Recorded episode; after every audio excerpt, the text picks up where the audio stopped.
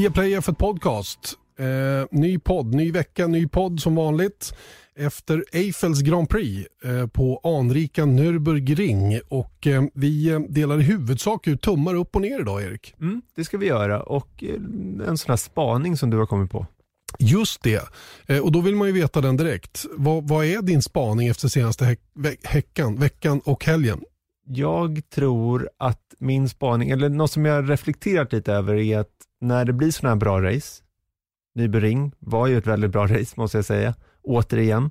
Sen så har det varit lite så här på de här nya banorna, till exempel Mugello också var ett bra race och då kommer de här äh, reaktionerna runt att här, den här banan skulle man vilja ha kvar. Och det här säger någonting om hur kalendern ser ut ett normalt år, att det kanske fattas vissa banor på kalendern. Och när de här uttrycken för att de här banorna skulle behållas på kalendern så tänker jag också så, att ja, det vore kul om man körde på Nybering. Det passar in i en FL-kalender att man kör på Nybering och i Tyskland överhuvudtaget. Men ett vanligt år så är vi tillbaka till de här grundläggande problemen med att racen måste få ekonomi i det. Jag menar, man får inte glömma bort att coronapandemin är verkligen någonting som har liksom påverkat det här och även när man hade fans nu så är det ju inte så att en bana går runt på de här 30 000 fans eller någonting som var där under de här tre dagarna. Så jag undrar lite över nästa års kalender helt enkelt. Det är ju en uh, intressant fundering givetvis. Va? Och um, det här um, det här gör ju lite att man börjar fundera lite grann över businessmodellen som Formel 1 har runt omkring arrangörer. Och um, hur, hur, hur och vad som påverkar varför man är på, på de ställen man är. Och Det är ju givetvis för att de som har råd att betala för att ha Formel 1 på plats, de får race. Mm. Eh, det ställs vissa krav på dem. Det krävs att man bygger nya banor och vi vet alla hur de nya banorna utformas och ser ut. Och, och Det här blir lite grann av en ond cirkel då när vi ändå har gamla anrika banor som Nürburgring, Mugello med flera. Magnicour kanske man skulle kunna köra på igen och så vidare. Och så vidare. Och Det är ju alltid en trade-off mellan ekonomi och underhållning slash sport. Eh, och Frågan är om inte Formel 1 måste börja titta lite på, mot bakgrund av de reaktioner som kommer nu runt de här banorna, om de inte ska hitta någon kanske ny variant på eh, arrangörskap mm. och hur man får betalt från arrangören.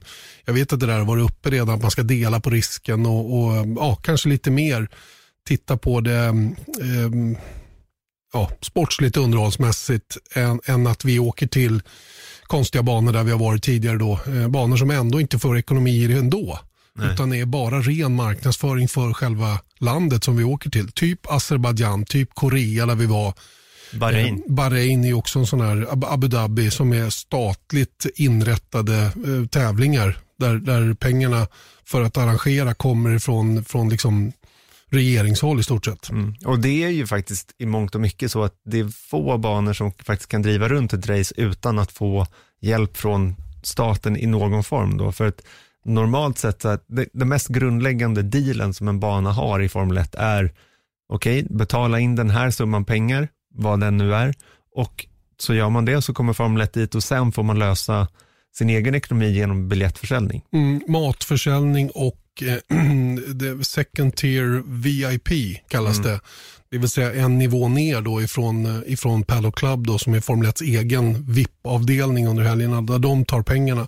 Men det finns en nivå lägre då som, som eh, banägarna själva kan, kan arrangera och få pengar ifrån. Mm. Och Det säger sig självt att om det kostar en kvarts miljard att få Formel 1 att komma dit så är det väldigt mycket folk som ska komma och betala och äta och, och göra allting för att det där ska överhuvudtaget gå runt och än mindre ge lite vinst. Mm. Och Min poäng här är då att skulle man ponera då att 2021 års F1-säsong är en vanlig säsong, då tror jag att då tittar vi på den originalkalendern som vi skulle ha 2021.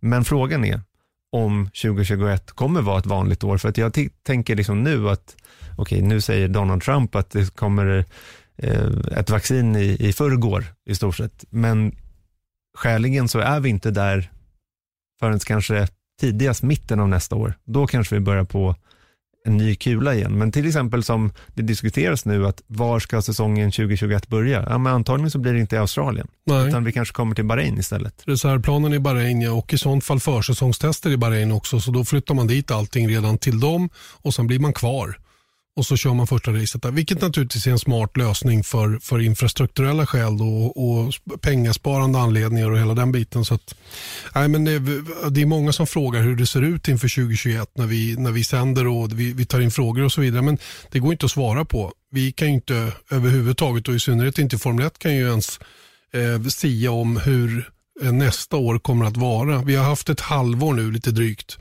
av coronapåverkan, stark coronapåverkan. Vad händer om ytterligare sex månader? Ingen vet. Mm. Förhoppningsvis har det börjat att klinga av. Mm. Men vem, vem vet det? Det är fyra och en halv, fem månader till nästa års kalender ska dra igång. Mm. Exakt, och det är där jag menar att vi är fortfarande kvar i samma problematik helt enkelt. Så är det och det får vi helt enkelt leva med. Det är, det är sjukt jobbigt med ovisshet. Det är bland det värsta som finns faktiskt. Och Man vill alltid veta helt säkert vad som ska hända över ganska lång tid framåt i alla fall. Och ovisshet är bra när vi går in i en tävling till exempel. Då tycker man det är bra, men i övrigt så är det jobbigt. Mm, jag håller med. Mm. Det var din spaning kanske? Det var min spaning. Ovisshet det, det är aldrig bra. Um, all right. då har vi klarat av det. Eh, kan då börja rulla in på, på ehm, um, Eiffels Grand Prix. Då. Om vi, om vi, innan vi börjar leverera tummar upp och ner titta på det rent, um, rent generellt i stort. Um, en svår helg vädermässigt. Vi tappade hela fredagen till exempel. Mm. Men jag, det var ändå liksom, vi hade ju förberett det i studion att vi skulle liksom prata om att här, okay, nu när de här bilarna kör och det går inte att köra de här bilarna i åtta graders värme. Men det visade sig att det gick ändå. Det var inga större problem trots att de inte fick testa under fredagen.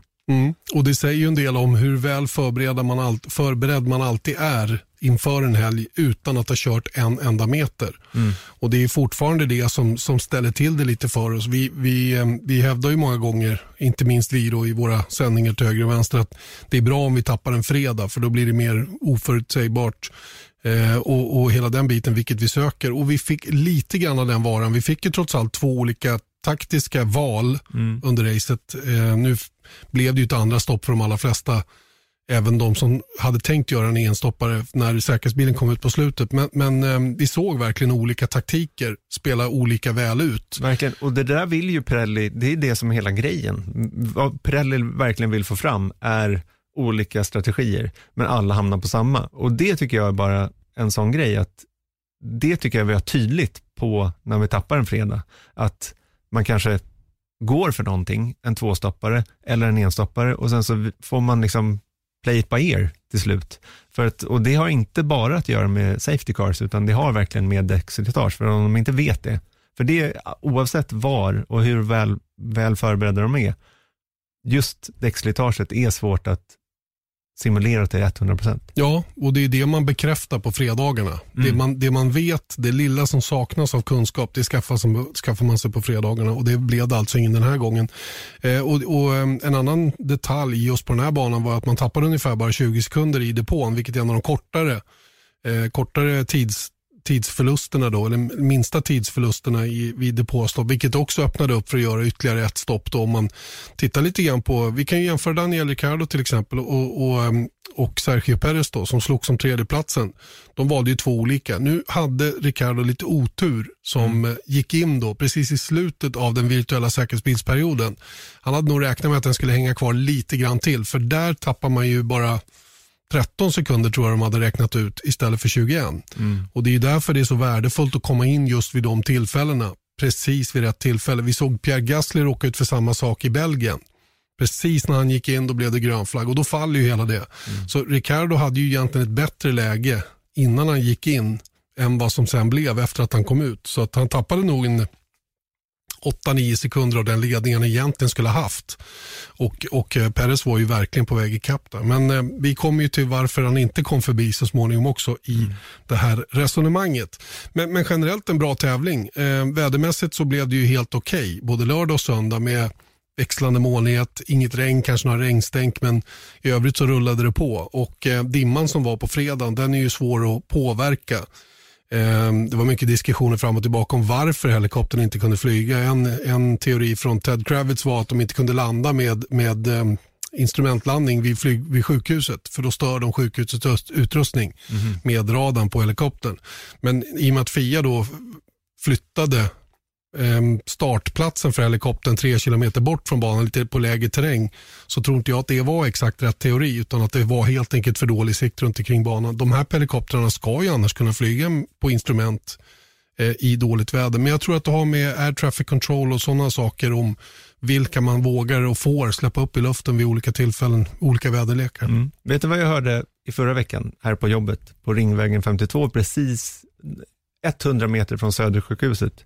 Det är att just nu så är det tydligen någonting hur solen står gentemot jorden. Just det, den, den, den, solens strålar går åt fel håll på något sätt. Precis, vilket gör att det är problematik för oss att sända. Mm med satellit, och det är inte bara vi, men, men det, det, är svårare att sända under den här tiden på året. Jag vet inte om det är alltid på hösten eller vad det nu är. Men på något sätt så, så solens strålar påverkar våra satelliter, eller våra satellitmottagare. Och då vet jag att tidigare då, eftersom vi var, apropå det där att landa på taken med instrument, det var att när vi fick massa störningar någon gång så trodde man, när det här huset var ganska nytt, så trodde man att det var någon röntgenutrustningen i på Södersjukhuset som påverkade våra satellitmottagare. Mm. Så att, ja, en side-note så in i vassen. Men Verkligen. ändå. Ja, jo, jo, jo, men vi tar dem också, mm. såklart. Eh, då så, då ramlar vi in på våra tummar upp och ner tycker jag. Och eh, ja, Det är svårt att inte ge Lewis Hamilton en tumme upp. 91 segern och eh, han gör det på 260 starter jämfört med Schumachers 246. Eh, fick en, eh, en hjälm som Michael Schumacher hade kört med i 2012 mm. i Mercedes just och han fick den av Mick Schumacher. Och eh, Det blev lite känslomässigt för Lewis Hamilton där efter målgång. Ja, jag tror som Björn sa i efterstudion där att det var så här, han sa att liksom poletten föll ner precis där och då, men jag, han kanske inte trodde på det 100%, men jag tror ändå att poletten föll ner så här, wow, här står Mick Schumacher och eh, ger faktiskt en hjälm som man raceas med. Det är liksom racinghistoria någonstans. Så att jag tyckte mig se i alla fall att, eh, att det liksom på något sätt, ja men poletten föll ner för Hamilton, att vad han har faktiskt gjort och hur han har liksom påverkat Formel 1. Mm. Det, det tar nog lite tid innan det sjunker in när man är mitt i det så att säga. Att man, att man verkligen är en GOAT en greatest of all times, för han är ju verkligen på väg att bli det. Och, och i, den här gamla diskussionen om vem som är bäst i olika tidsserier, den behöver vi inte gå in på nu. Men statistiskt så kommer han att vara den bästa genom alla tider efter den här säsongen. Det bara är så. Mm. Eh, det var för övrigt eh, det var första gången Mercedes vann på Nürburgring sedan 1954. Mm. Jag såg det. Det var Fangio som vann då va? Ja, det är helt otroligt. Men det var en annan bana. Egentligen. Mm. Och Hamilton då lyckades ju inte ta snabbaste varvpoängen igår. För hade han gjort det då hade han varit 70 poäng före Valtteri Bottas i VM. Nu är det 69 istället. Då. Mm. Ska vi ta den då, att det är väl den första tummen ner och det är väl de där väldigt få, kanske, små. Men vi hade ändå lite titelförhoppningar när man såg Valtteri Bottas vinna i Ryssland, svor och var, liksom, levde lite rövare på Valtteri Bottas vis i alla fall. Och sen så kommer han in, dominerar faktiskt hela Eiffel Grand Prix, tar pole position ganska markant mot Lewis Hamilton och sen så tar han starten. Och sen så bara efter ganska samma. tuff körning också genom första sväng där. Jag tyckte han löste det på ett otroligt bra sätt. Mm. Men sen kommer vi till det här läget igen nu då, när man ska hålla ihop det. Och då är Bottas inte där igen. Eh, den här gången började han graina framdäcken. Och jag undrar om det inte var lite grann hur de hade satt upp hans bil som, som spökade för honom. För han hade ju problem i början på kvalet. Sen i slutet på kvalet när banan började greppa upp så, så kom framänden in och, och allting började funka. Han var klart snabbare då än Lewis Hamilton som du sa. I racet verkar det gå åt andra hållet. Började bra, Eh, men sen så började han få graining på framänden, sannolikt för att han plockade upp understyrning. Och sen kom ju då det här misstaget som gjorde då att han, eh, att han eh, tvingades ta ett tidigt depåstopp. Och ja, sen det som hände, det kan ju inte han påverka, att hans power unit slutade fungera som den skulle. Mm. Du, nu har vi gett Hamilton en tumme upp för 91 segrar.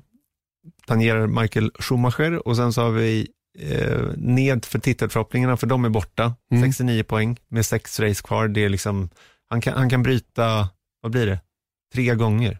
Typ. Ja. Ja, det är 156 poäng kvar att köra om i och för sig, va? Men, men det är alldeles, alldeles för mycket för någon att köra in så som for, styrkeförhållanden ser ut just mm. nu. Då. Och med tanke på det då, att han tappade de små förhoppningarna man hade om en titelchans för Valtteri Bottas, men jag vill ändå ge honom kanske den största tummen upp, just för hur han skötte starten. Mm.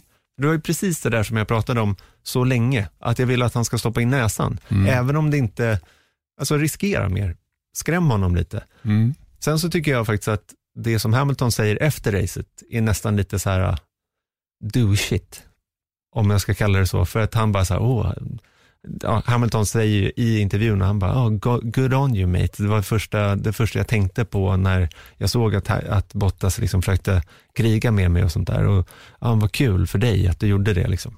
Och sen så bara, men så vann jag ändå. Och sen så. Mm.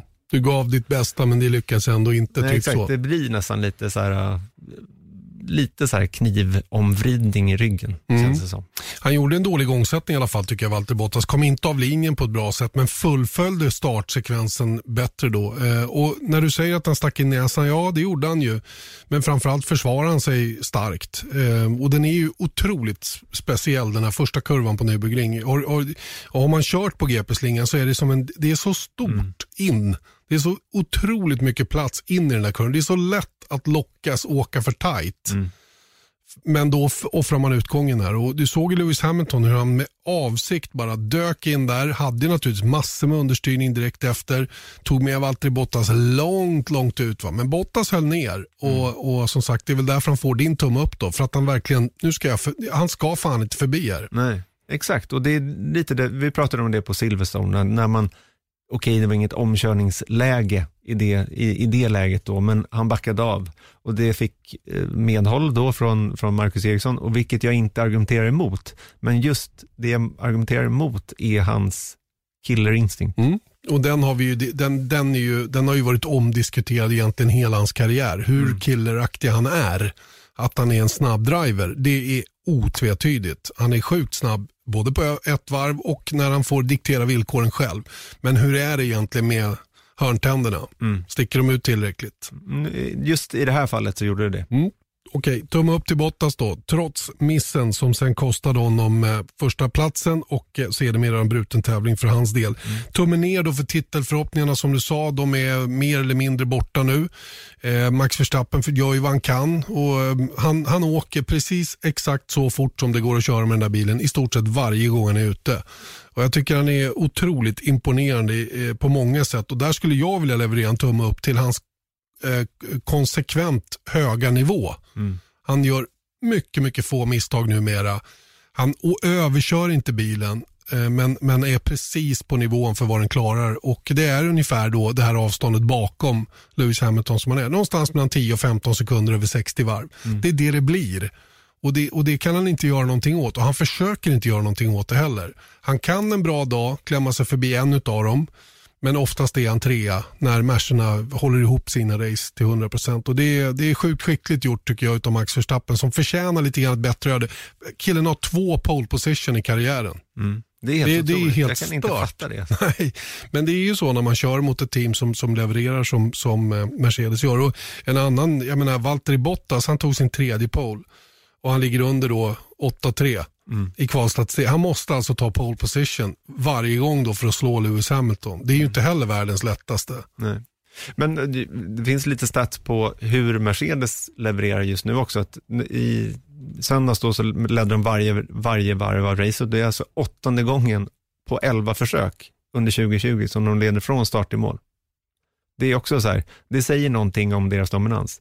Sen så kan man också lägga till då att Mercedes som motorleverantör har nu tangerat Ford på rekordet i antal raka poängplaceringar med 228 stycken. Mm. Och Ford, det var ju naturligtvis CFD-motorn som man åkte med. Hette den så? DFV. DFV, förlåt. Double four valve. Just det, Double four valve hette den som, man, som i princip alla körde med då. Det var mm. någon som twittrade med mig under helgen och tyckte att vad är Cosworth, kan inte de komma tillbaka? Det finns ju lite samarbeten här och där men Cosworth är så långt ifrån att komma in i Formel 1 som man kan vara egentligen då när de inte är där rent tekniskt i det nuvarande reglementet. Det är inte lönt för någon att börja nu för att försöka vara någorlunda up to speed innan det här motorreglementet tar slut. Så det, det, behöver, det behövs ganska snart komma en indikation på hur det kommer att se ut motormässigt efter 2025 för att en eventuellt ny motortillverkare ska våga och ska ha råd att, att göra det fullt ut. Och Jag tror fortfarande att det krävs en biltillverkare för det. Ingen,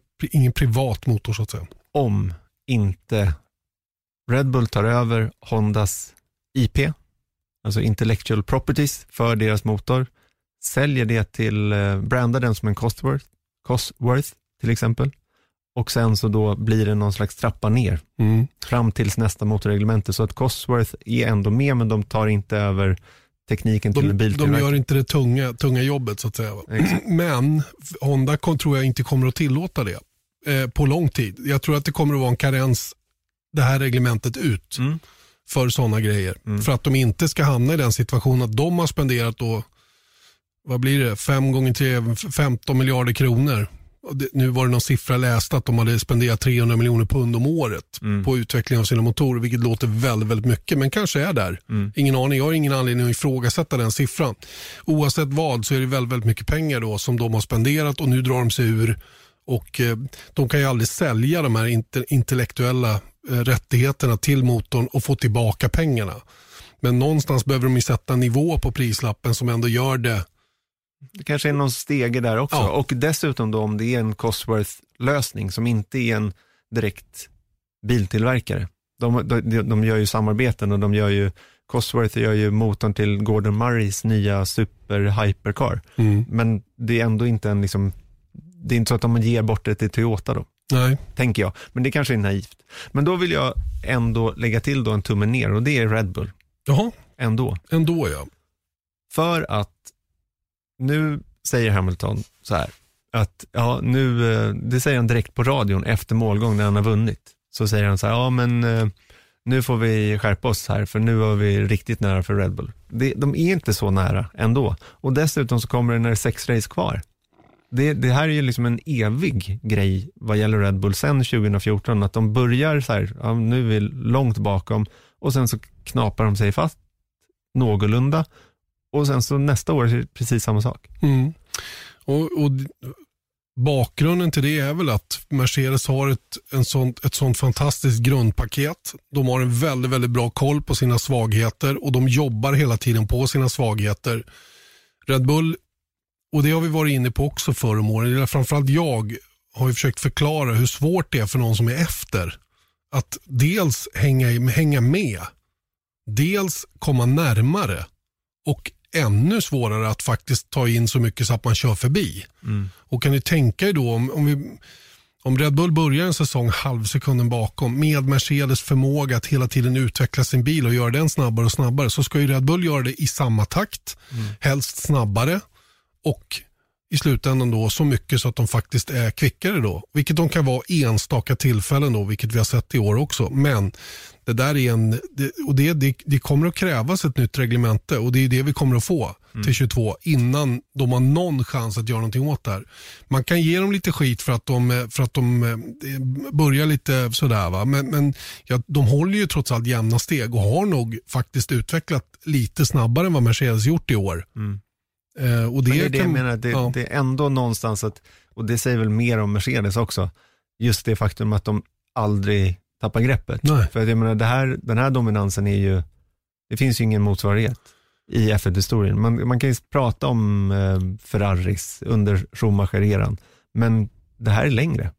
Ja, den börjar ju bli det. Och eh, det är ju, eh, nej jag, jag håller med dig. Det finns inget motstycke som, som jag kan dra mig till minnes i alla fall än det som Mercedes presterar just nu. Och de är ju verkligen, och, och jag kommer tillbaka till det här att de, de, ehm, de har en synnerligen unik förmåga att hela tiden fixa sina svagheter om de har några. Mm enstaka. Som när de hade problem med, med sin långa hjulbas i de långsamma svängarna. Ja, det har de ju fixat nu. De är mm. ju snabbare än alla andra i långsamma svängar nu. Mm. De åt upp bakdäck. Det har de också jobbat och fått till med en smart lösning för bakre hjulupphäng och så vidare. och så vidare. De har ju otroligt bra koll på sitt paket och de kan göra små fix utan att störa helheten. Och Då landar vi på ett, på ett team som också får tummen ner och det är McLaren. Mm. efter ett antal helger nu där det har varit otroligt tungt för deras del och vi kan nästan säga att det började bli så när de kom i sin nya nos. Mm. Eller hur? Mm. Och den nosen är inte helt olik den Mercedes har. Men den där tummen ser ut som längst fram på den då och säkerligen i övrigt också påminner den väldigt mycket om Mercedes nos. Och varför då? De kallar det nosebox. eller? Nosebox ja, precis. Och det är ju hela noskonen då som vi kallar det på svenska då, ihop med vingen. Eh, och min teori och många andras också är att de naturligtvis tittar då på nästa år. Andreas Seidel var väl inne på det också i intervjun innan racet, att de eh, de har ju alltså en Mercedes-motor bak i bilen från och med nästa säsong. Troligen så glanar de lite grann åt Mercedes low rake-koncept och har då börjat redan nu att försöka förstå hur, framnosen, eh, hur nosen och framvingen fungerar när det gäller att styra luftflöden. Och det här har stört bilens övriga Eh, aerodynamiska delar på ett sätt som de kanske inte hade räknat med och eh, betalar nu priset för det. De är ju fortfarande hyggligt med men de är inte alls på det sättet som, som vi såg dem i början på säsongen. Nej, men då, då Janne, då tänker jag så här att vi pratar allt som oftast att så här, nej men de har lämnat, alltså Team X har, de, de bara kör igenom den här säsongen nu och fokuserar på nästa år. Och då skulle man kunna tänka sig att ja, men det är kanske det McLaren gör nu. Men de har i världens läge ett osedvanligt bra läge att komma trea. Och då känner jag så här att, men när slutar man satsa på nästa år och försöka maximera nuvarande år? Det är trade-offen som man gör beroende på hur man ser sin framtid. Mm. Det är ju det som bestämmer.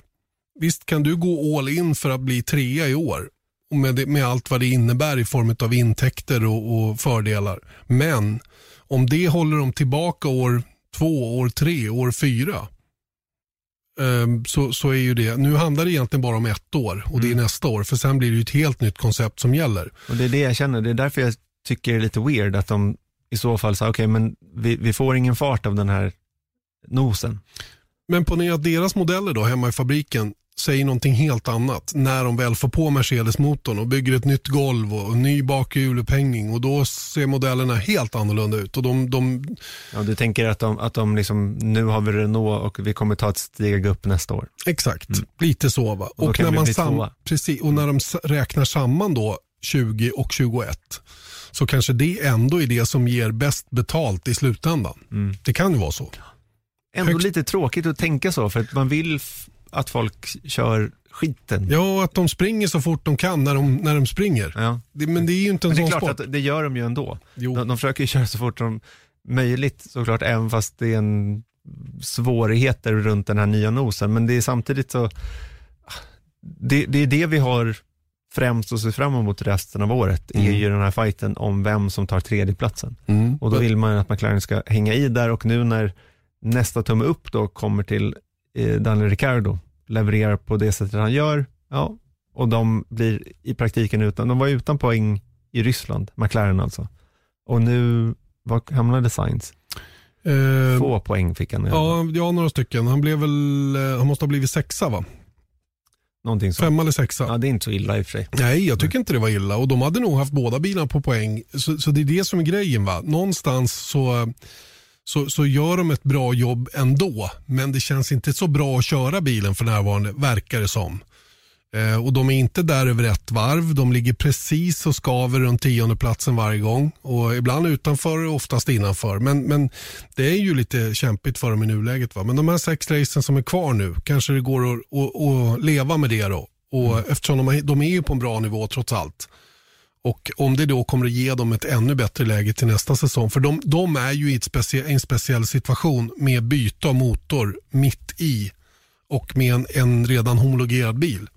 Så har ju de eh, en lite tuffare uppgift då inför nästa säsong och det är väl det tror jag som framtvingar en massa lösningar i år redan för att förbereda sig för nästa år. Och vet du vem som tackar?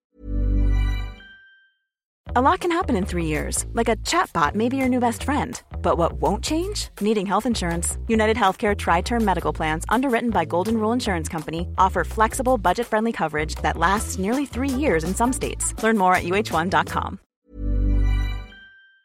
för det, antagligen. Daniel Ricciardo.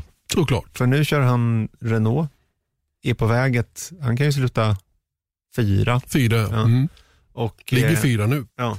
Och sen så nästa år så är de, har de kommit längre i utvecklingen när, när han ansluter till McLaren. Då. Visst är det så.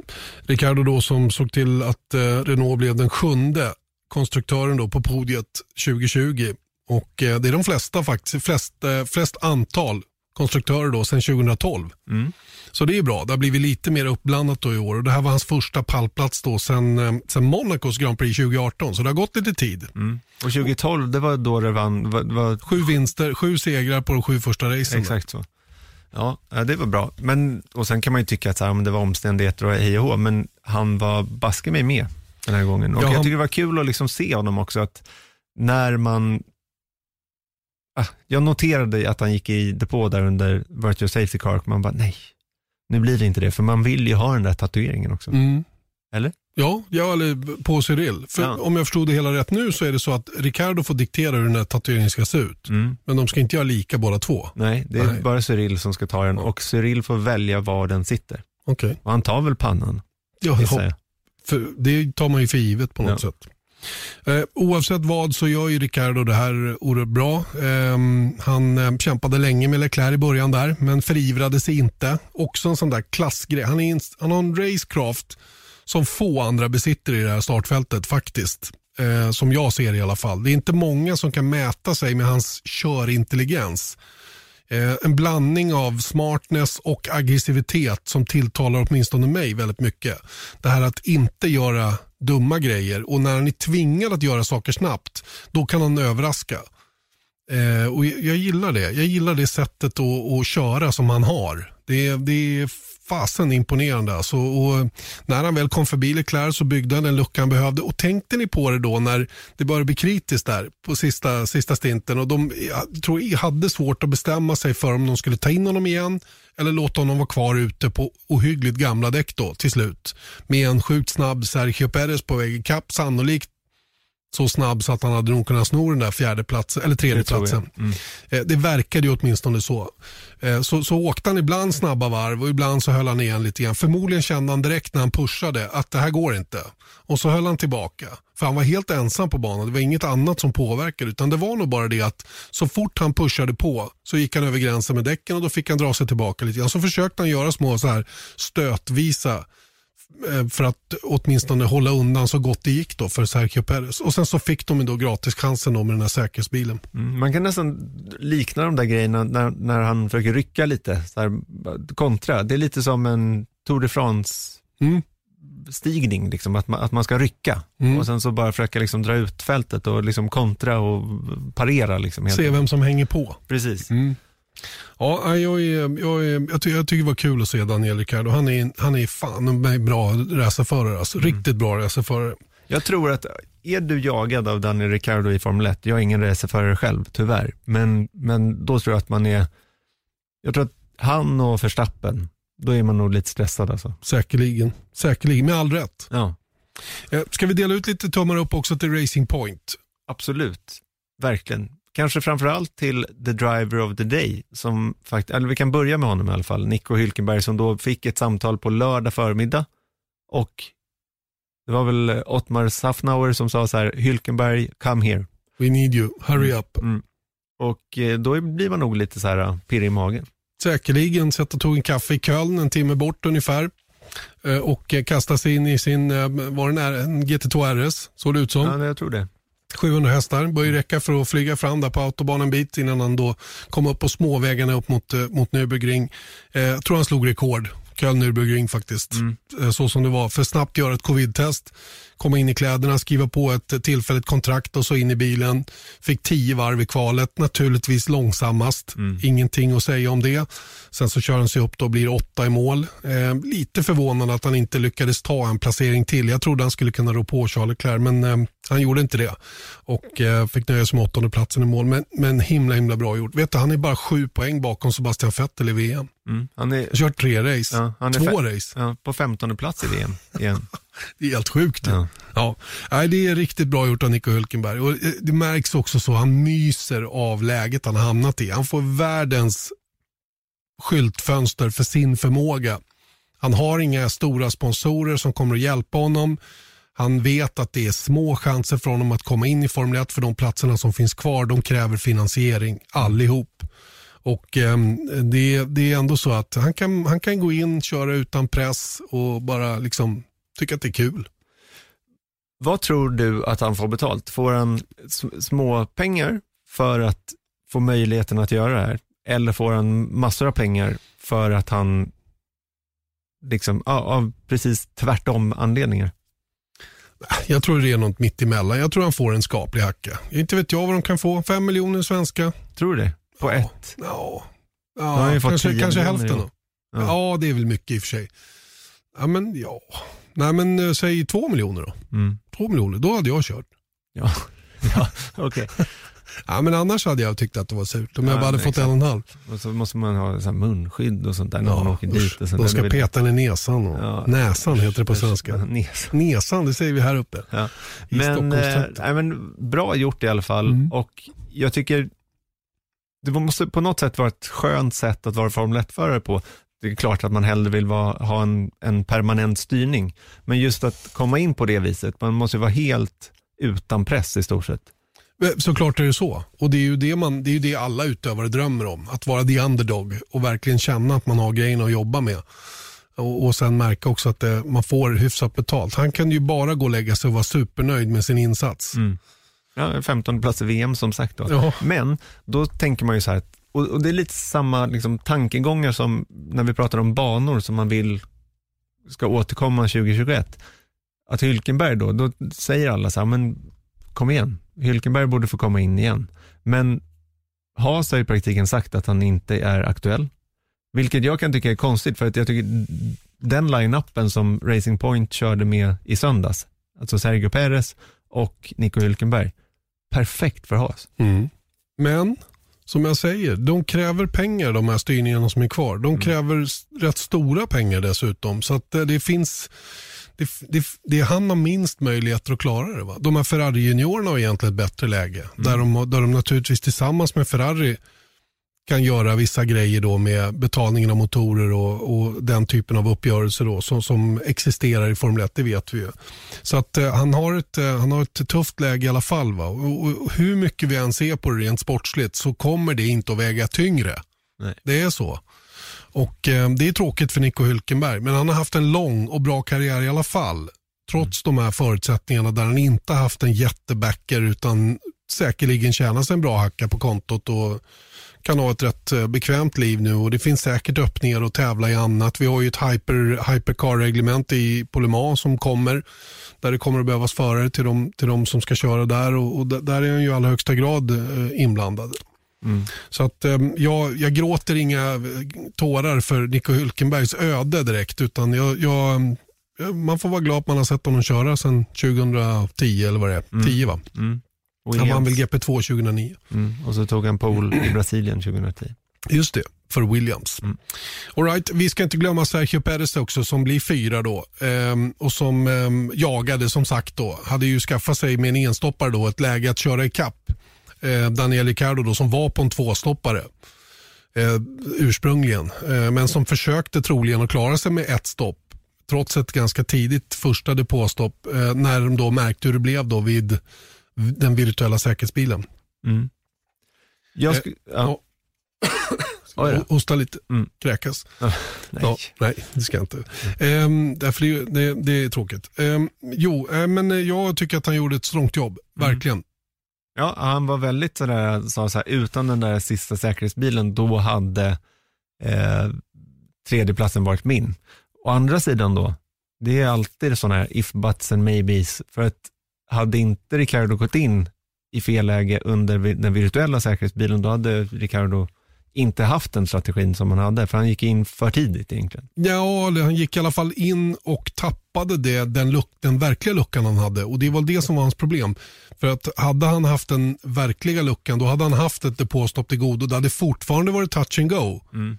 Men det hade inte varit så att Perez i praktiken varit framför. Nej, men han hade också kunnat gå lite längre och sen så hade istället för, vad var det när, när Perez kom ut, det var väl Säg att det var 15, 16, 17 sekunder någonting. Ja, då hade det varit 25. Exakt. Och, och då hade inte Perez kanske orkat i fatt. Nej, och, och som sagt, då hade Ricardo kunnat lägga upp sitt race på ett lite annat sätt. Och Det var lite det jag menade tidigare när han åkte lite jojo fartmässigt där under en period. Det var ju när han försökte, jag tror de dividerade fram och tillbaka om hur de skulle göra. Och Sen så kom ju den här säkerhetsbilen mm. och gratischansen då för Ricardo att komma in och ta nya däck, vilket då startade processen. I, hade det varit virtuell säkerhetsbil, då hade det varit lite knepigare. För då hade man ju inte tappat, eller då hade man inte packat ihop fältet som man nu gjorde. Nej. Nu visste ju Perez att om jag är kvar utåt och banpositioner så kommer jag ändå bli omkörd så det visslar om det mm. när vi väl sätter igång racet igen. Så han blev ju tvungen att gå in. Ombytta roller helt enkelt. Ja, och de var ju smarta hos Racing Point också för de gjorde det på varv, varvet efter när de insåg hur det såg ut och kunde komma in och komma ut före Carlos Sainz. Mm.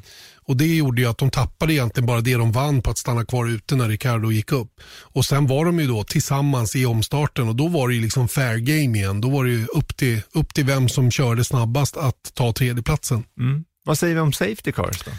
Ja, vad säger vi om Safety Cars? Det är också en sån här grej som, som dök upp eh, frågemässigt under helgen. Det är jättekul för övrigt med alla frågor som vi får in under, under helgerna på, på mitt Twitterkonto då, som, som vi använder för enkelhetens skull. Och eh, Det gör ju att vi kan eh, liksom fördjupa oss lite mer och svara på frågor till alla er som sitter och kollar. En av dem var ju då om inte Michael Masi är lite trigger happy mm. när det gäller säkerhetsbilar och virtuell säkerhetsbil. Han kanske kunde använt virtuell säkerhetsbil lite oftare istället för full säkerhetsbil. Många tyckte nog det i det här läget som hände i söndags. Jag också till att börja med. Men jag har också lärt mig att det är farligt att eh, liksom bara genom vad vi ser på tvn eh, um, eh, vad heter det? bilda sig en uppfattning. Mm. För att det är oftast mycket, mycket mer som, som de har eh, facit på. Men Michael Masi försvarar i alla fall full safety car för han var inte säker på att det gick att flytta den där bilen innanför barriären så som den stod utan att behöva använda bärgningsfordon. Och har de bärgningsfordon på fel sida om barriären då tror jag att det står att man måste ha säkerhetsbil på banan efter det som hände Jules Bianchi. Plus att det såg kanske lite ut som det skulle fatta eld. Exakt, det var det pyrde lite om den och vilket han också har kommenterat då. Och eh, visst, han hade kunnat använda sig av virtuell säkerhetsbil först. Mm. Det kan jag tycka att han borde ha gjort. Alltså. Ja, men han tog ju då beslut. Ja, fast han försvarar det också genom att säga att vi såg att det pyrde lite och det, hade, det fanns en potentiell risk att det skulle börja brinna. Och Då var, var det bättre att gå full on säkerhetsbil på en gång. För det, det kortade ändå ner tiden totalt sett med när man behövde störa racet. Och det, och det, kan man väl naturligtvis köpa också då om det, om det är på det viset. Att, eh, att, han, att han tog beslutet på, av de anledningarna. Sen, sen däremot så tycker jag han dröjer alldeles för länge med att ta in säkerhetsbilen. Mm. För att eh, Det står ju i reglerna att så fort att sista bil har passerat ledaren och är tillbaka på ledarvarvet så ska säkerhetsbilen gå in. Mm. Så fort att race, clerk of the race, eller vad heter det? Steward of the race. Ja, den som är tävlingsledare ska ju då, om man bedömer att banan är säker, ta in säkerhetsbilen på, i slutet på det varvet. Mm. Och det gjorde han ju inte. Han hängde ju kvar med säkerhetsbilen väl länge för att packa ihop fältet. Och om det, det, det finns en stor risk att vi börjar uppfatta det som att det görs för, för showen. Mm. Och det är inte bra.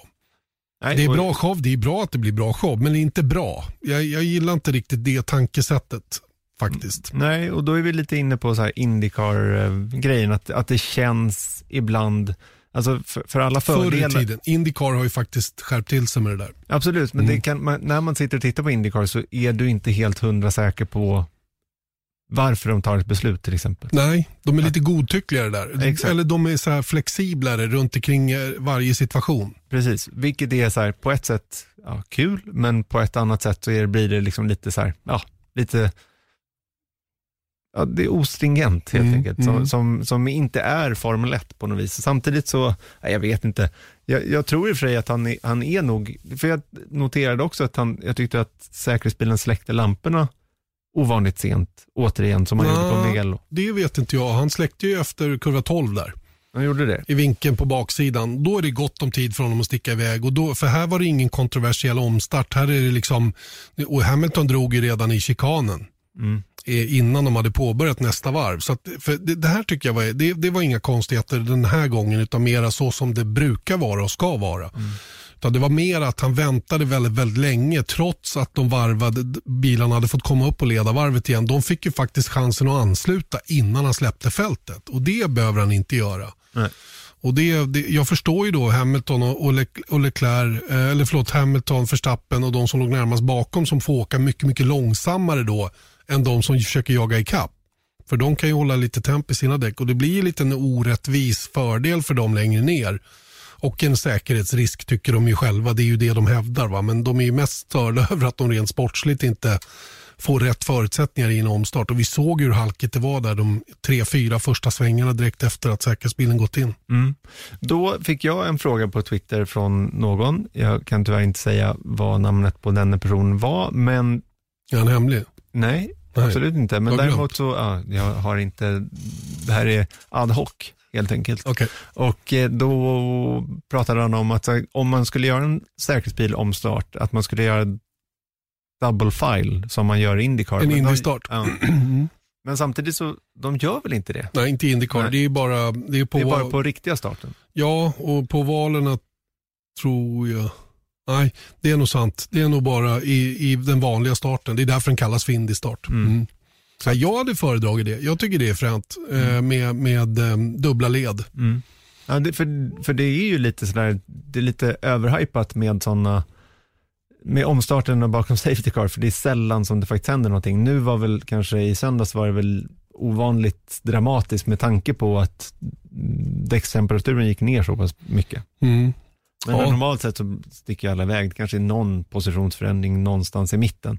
Men normalt sett så är det ju väldigt odramatiskt. Det är väl Nascar kanske som har double file Mm. omstarter. Hörni, ni får skicka in och berätta för oss hur det var Hur på facebook.com hur ligger det till? F1-podden. Ja, det är För bra att, idé. eh, vi har inte all full koll. Verkligen inte. Uppenbarligen inte. Nej. Men det piggar upp. Eh, vi har några tummar upp och ner kvar. Eh, Ferrari har vi inte berört ännu. Charles Leclerc, eh, upp, upptumme. Mm. Chock. Ja, men fyra i kvalet var Ja, ju... det var bra. Ja. Det var bra. Men eh, en chock tror jag inte. Nej, men jag tycker att de gjorde, de, de var över, de, de var under par, heter det så när man spelar bra i golf? Mm. Mm. De var under par då i sånt fall. eh, och ehm, framförallt Leclerc då. För det är uppenbart att det inte går lika fort för Sebastian Vettel just nu då. Och ehm, det är tufft för Vettel, det förstår jag. Va? Men Leclerc verkar ju må hur bra som helst. Han, han plockar verkligen ut det som finns och det är uppenbart att teamet satsar allt på att han ska vara snabb och han orkar leverera. och Han var fyra som sagt i starten och höll i eh, mot Daniel Ricciardo länge nog för att eh, stöka till det i alla fall för Ricciardos del. Men eh, sen så föll, faller han ju tillbaka då. Var en av de som stannade kvar ute då när sista säkerhetsbilen kom då för att behålla banposition eller få lite bättre banposition. Jag trodde faktiskt att fler skulle köra om honom. Som jag sa då, bland annat Nico Hülkenberg. Men han bet ifrån riktigt bra. Och eh, Detta trots då att Ferrari-motorn, eller bilarna med Ferrari-motor var de långsammaste rakt fram. Mm. Ja, men det, är, det är bara bra jobbat. Men då kommer vi till de sista nedtummarna och då har vi de, det är två stycken då. Det är Sebastian Vettel och Alexander Albon. För det är väl de i fältet som är kanske mest markant efter sin teamkompis. Känns så. Kanske Latifi också. Mm. Man är så anonym Fiat. ändå. Ja, Får rätt mycket stryk av Gasly just nu då. Men, men eh, vi håller med det. Det är mest tydligt i de här två teamen. Mm. Och det är ju dessutom team där, där eh, åtminstone Vettel rent CV-mässigt är betydligt bättre än vad han visar just nu. Mm. Och jag undrar, alltså jag kan inte släppa, om man ska vara lite konspiratorisk, så visst så tror jag att hans liksom, driv, eller vad man ska säga, får sig en törn när man får sparken från Ferrari, eller liksom ombeds lä- lämna. Men samtidigt då, med tanke på att han ska till Aston Martin nästa år, så kan inte jag förstå att han är så off som han är just nu. Jag, menar, jag tycker liksom bara när han, vad Det är var inte rimligt nej. Nej, Nej. jag tycker att det är konstigt bara. Även om liksom man har noll motivation, så tycker jag ändå att en fyrfaldig världsmästare borde ha det. Och, och en Sebastian Vettel borde ha det. Eller en F1-förare borde ha det Mm. överhuvudtaget. Och jag, jag kan inte liksom riktigt greppa den här distansen. Så du tror helt enkelt inte att det är motivationsproblem? Du tror att det är Jo, jag annat? tror, jag tror att absolut att det finns med, men att det är på den, här, på den milda grad så att han är liksom totalt däng av Leclerc. Har du hört intervjun på Beyond the Grid? Ja, jag har gjort det. Och vad säger han där då? Det vet jag inte jag. Vad, vad pratar du om? Ja, Berätta. Om motivation till exempel. Du har inte hört den alltså? Jo, jag, får- har hört det, men ja, jag, jag vet inte vad du syftar på. Nej, jag bara tänkte vad han, om man liksom, vad, pratar man någonting om det i den intervjun? Huruvida han har tappat motivation eller, han, jag vet att han har pratat om att han har tagit vissa fighter inom Ferrari som han inte kunde vinna. Mm. Och det har fått konsekvenser för hans status i teamet. Mm. Ja, men jag, jag, jag tänker liksom på en, när vi hade en sån här one-on-one intervju med honom, när det nu var, jag vet inte om det var på Mugello, tror jag. Ehm, jag tror att det var på Mugello. Och då säger han liksom att, nej, men nu är det så här att jag ska lämna teamet, men jag vet ju samtidigt att alla som har kämpat för det här, eh, för att vi ska köra fort, på, köra så fort vi kan, då har jag en skyldighet att leverera för deras del. Så han avfärdar ju motivationsproblemet helt och fullt där skulle jag säga. Men om man bara tänker rent mänskligt så är det ju så att det finns vissa motivationsproblem. Men jag tänker också bara för att bygga upp inför nästa år så tycker jag ändå att det är liksom förvirrande. Mm. Och han är ju, um, läste jag mig till, ehm, en väldigt viktig kugge i Lawrence Strolls marknadsföringsprocess nu då, runt omkring Aston Martin. Och det kom ju ut att han hade köpt lite aktier också i Aston Martin Lagonda, då, bilmärket. Inte i Formel 1-teamet utan i bilmärket. Och precis som Toto Wolff har gjort och Mercedes äger lite grann i det också. Sådär. Så att Han har han- säkert eh, aktier i FCA också. det kan tänkas. Mm. Det vet jag ingenting om. Men, men ehm, i vilket fall som helst så, så är liksom Aston Martin-ledningen eller Racing Point, de tror ju väldigt mycket på den här flytten för Vettel över till deras team då, där de kommer att kunna ge honom bra förutsättningar igen. Och att någon tror på just honom då, för jag tror att det har påverkat honom väldigt mycket. Han har liksom inte, han har inte gänget bakom sig för närvarande. Och det, det svider lite grann extra. Men jag tycker inte jag tycker inte just det förklarar resultatskillnaden mellan honom och Leclerc. För så mycket bättre är inte Leclerc än Vettel. Det är han inte. Hur mycket ni än vill tro det så är han inte det. Det ska inte skilja så mycket som det gör. Nej. Och jag har ju varit med tillräckligt länge i den här branschen för att veta att det faktiskt kan vara skillnader i hur teamet jobbar mellan de båda förarna när man vet hur det är för den ena och, och hur man vill att det ska vara för den andra. Mm. Det som talar emot allt det där är ju Alexander Albon. För att om i varje fall utåt sett vad Red Bull säger nu, att de, att de verkligen så här stödjer Albon, de vill att, de- alltså av allt att döma ska han vara kvar till 2021 och de behöver honom där uppe. Men han når inte upp helt och fullt, helt enkelt, Nej. mot Max Verstappen. Så han är Det är liksom, Det är, lite, det är nästan smärtsamt att se hur illa det går för honom mm, och hur han hamnar i situationer som han inte ska vara i. Mm. Som den sena inbromsningen i början på racet. En riktig flat spot, tvingas in efter tio varv eller vad det var mm, i depån för att byta däck. Och liksom, redan där är det ju rullgardinen ner. Det, Mm. det liksom kommer aldrig, och han överkör när han kommer ut, han racear och han suckar på radion över att Pierre Gasly racear honom så hårt. mm. Och liksom, vad trodde han? klart att han gör det. Om Ja, det är men- någon som racear honom hårt är det Ja men Gasly. självklart va. Och jag menar, han, återigen, han hamnar i så dumma situationer hela tiden för att han inte tänker ett steg längre redan från början. Mm. Sen att han saknar fart över ett varv, det måste ju teamet och han jobba tillsammans med för att komma till rätta med överhuvudtaget. Eller komma fram till ett beslut där man säger att vi, vi kommer inte längre med dig. Det går inte. Mm. Och då, och, men, men då kommer vi tillbaka till Red Bulls andra problem. Vem ska köra istället? Ja, då är det många som föreslår eh, att vad är det inte dags nu att ge en sån som Hülkenberg chansen att testa honom åtminstone då, Mm. eh, under ett år. För, för Red Bull har ju råd att ta in Hülkenberg utan att han har några stora sponsorer. Mm. Eller, eller varför inte Perez då som också är kontraktslös, som är etablerade duktiga förare. Och jag börjar ju bli lite benägen att hålla med om det. Även om jag tror att risken eller chansen till det är väldigt liten. Men någonstans börjar vi komma till ett läge där, där det, det är liksom, de har kommit till vägs ände med Alexander Albon. Han har ju inget självförtroende kvar stackaren heller. Det kan han inte ha. Precis som Pierre Gasly Nej. inte hade det i, i, eh, ja, runt Belgiens GP förra året. Exakt. Så att, eh, jag vet inte.